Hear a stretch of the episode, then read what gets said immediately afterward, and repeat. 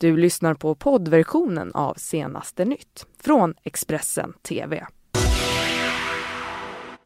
God morgon, hjärtligt välkomna hit till senaste nytt denna tisdag den 29 januari. Jag heter Ulva Johansson.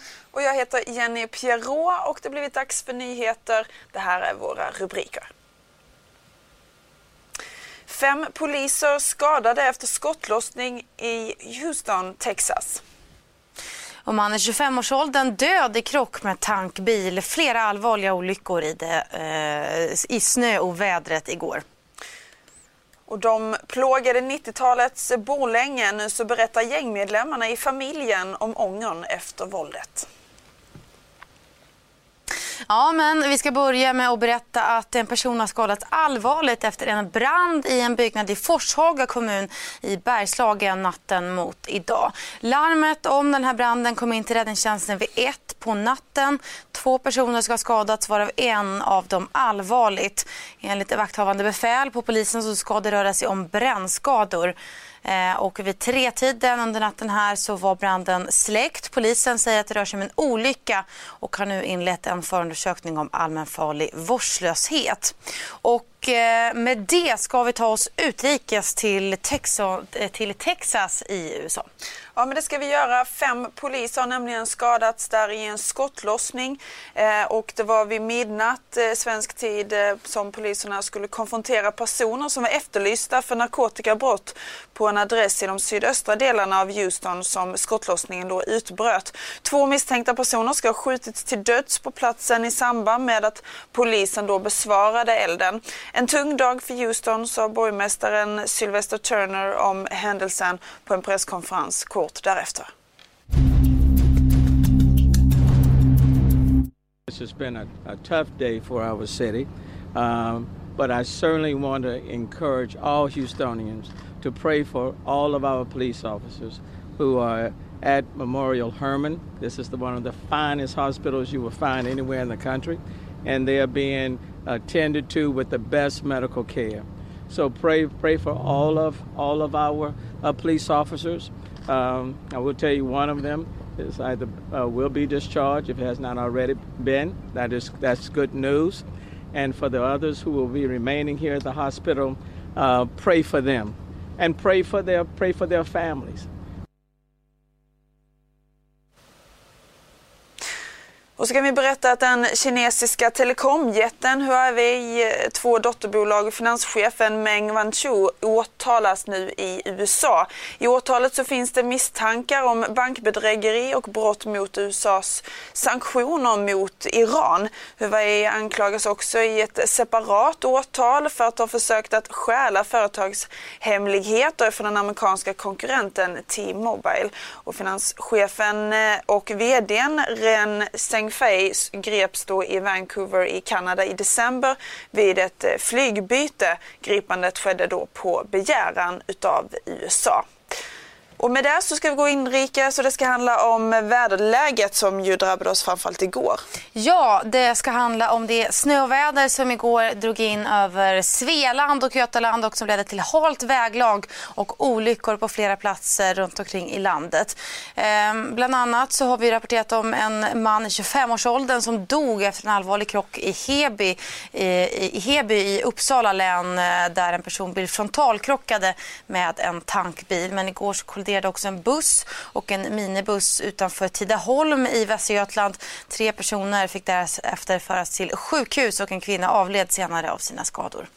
Ja, och det är ju fortsatt halt på många ställen runt om i vårt land. I södra Sverige så har snöovädret på vissa håll övergått till regn, något som också kan orsaka besvärligt väglag. Norrut så är det dock betydligt kallare och utmed Norrlandskusten så kommer man drabbas av tilltagande snöfall. Så det gäller att ta det försiktigt om man ska ut i trafiken. Ja, och med det ska det då handla om ett eh, gäng som går under namnet Familjen från Bålänge. Ja, men precis. De plågade ju Borlänge under 90-talet och gjorde sig skyldiga till bland annat krig med polisen, väpnade rån och narkotikasmuggling. Nu så talar ex-medlemmen Lenny Doverdal ut i en intervju med Brottscentralen. Det är väl jättemycket som väger in i att man väljer att bilda en stark grupp och, och på ett destruktivt sätt. Dels så kan jag liksom älska och romantisera kring, kring det och samtidigt så har jag liksom ett förakt över att jag inte förstod då konsekvenserna av vad det innebär att, att, att ställa sig utanför samhället och sen bli av samhället beställd ännu längre utanför samhället. Eh, det hade jag velat förstått då så att man hade haft något val istället för att Eh, bara, bara en rekyl av sig själv hela tiden.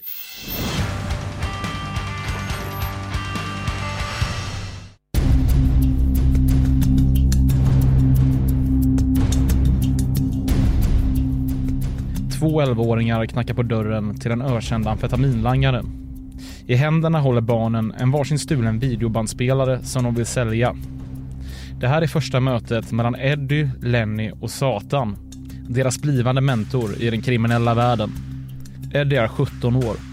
Han står i matbutiken Skräddan i Borlänge och i händerna har han ett avsågat hagelgevär. Med sig har han sin vän och medbrottsling Joel.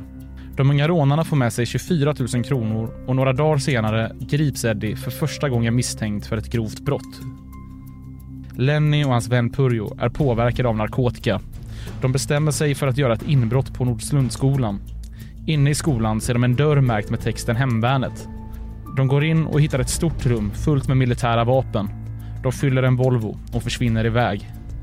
I en lägenhet i Säter hänger ett gäng ungdomar. De har gjort inbrott hos polisen och där har de bland annat stulit uniformskläder. Efter att en av gängets medlemmar några dagar senare råkar skjuta sig själv grips tre av ungdomarna. Utöver inbrottet på polisstationen har någon också sprängt en av polisens lokaler i närheten av Bålänge. Två år senare har gänget blivit rikskända som familjen. Eddie har suttit som yngst intagen på fängelset i Kumla och under tiden som han avtjänar ett av sina fängelsestraff dör en av familjens medlemmar. Vid undsättningen närvarar flera av gängets medlemmar och i en impuls begraver de sina klackringar, symbolen för familjens sammansvärjning, tillsammans med deras döda vän och gänget familjen är ett avslutat kapitel.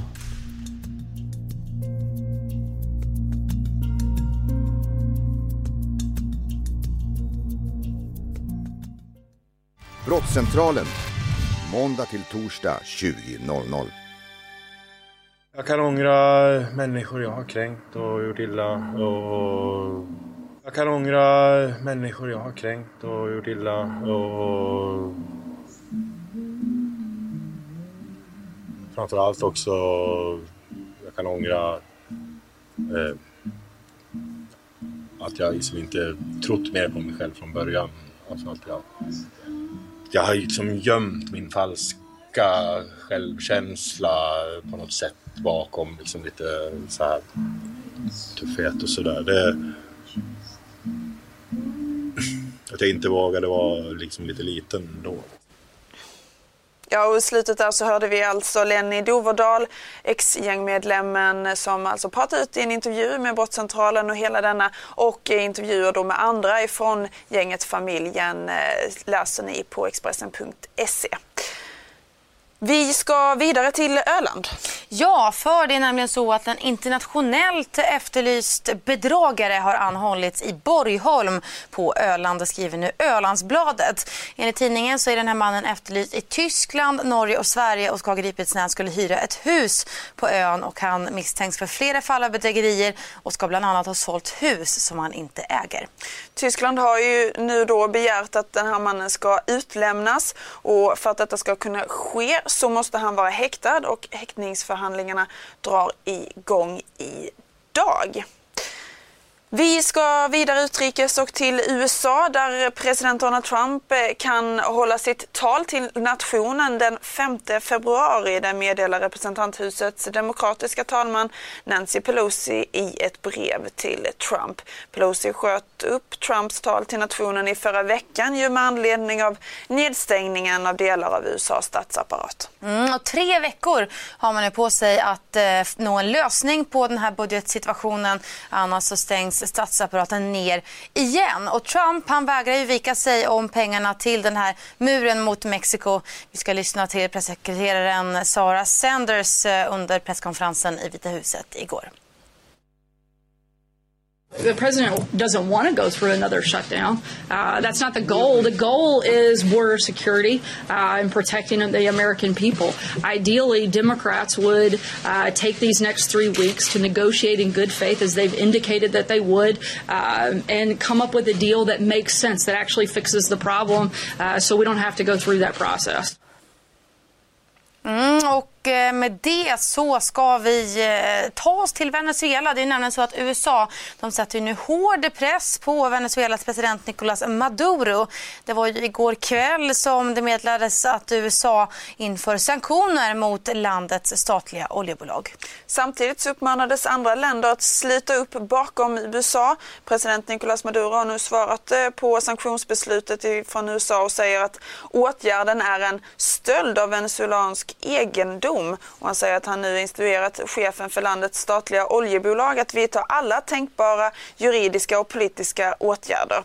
Vår korrespondent Thomas Kvarnkullen rapporterar för oss från Washington DC. Efter en veckas oroligheter i Venezuela höjer nu USA tonen mot landets president Nicolás Maduro för att få honom att lämna över makten. Igår meddelade den amerikanske finansministern Steven Mnuchin att sanktioner införs mot det statligt ägda oljebolaget i Venezuela och att sanktionerna införs omedelbart. Samtidigt sa den nationella säkerhetsrådgivaren John Bolton att det finns fler möjliga metoder för USA att ta till. Under en presskonferens i Vita huset här i Washington uppmanade han andra länder att ställa sig bakom USA och menade att eh, övriga bör erkänna oppositionsledaren Juan Guaido som landets president eh, precis som Donald Trump gjorde under förra veckan. Beskedet från Washington då har fått eh, Nicolás Maduro att anklaga USA för att ligga bakom en kupp mot honom i Venezuela och han har än så länge vägrat att utlysa nya val i landet.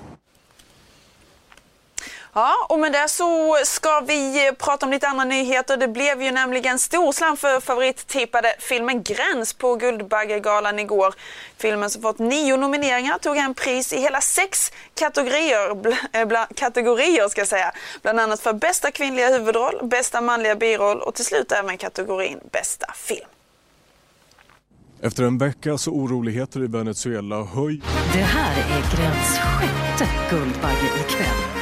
Totalt hade filmen nio nomineringar. Oj, jävlar.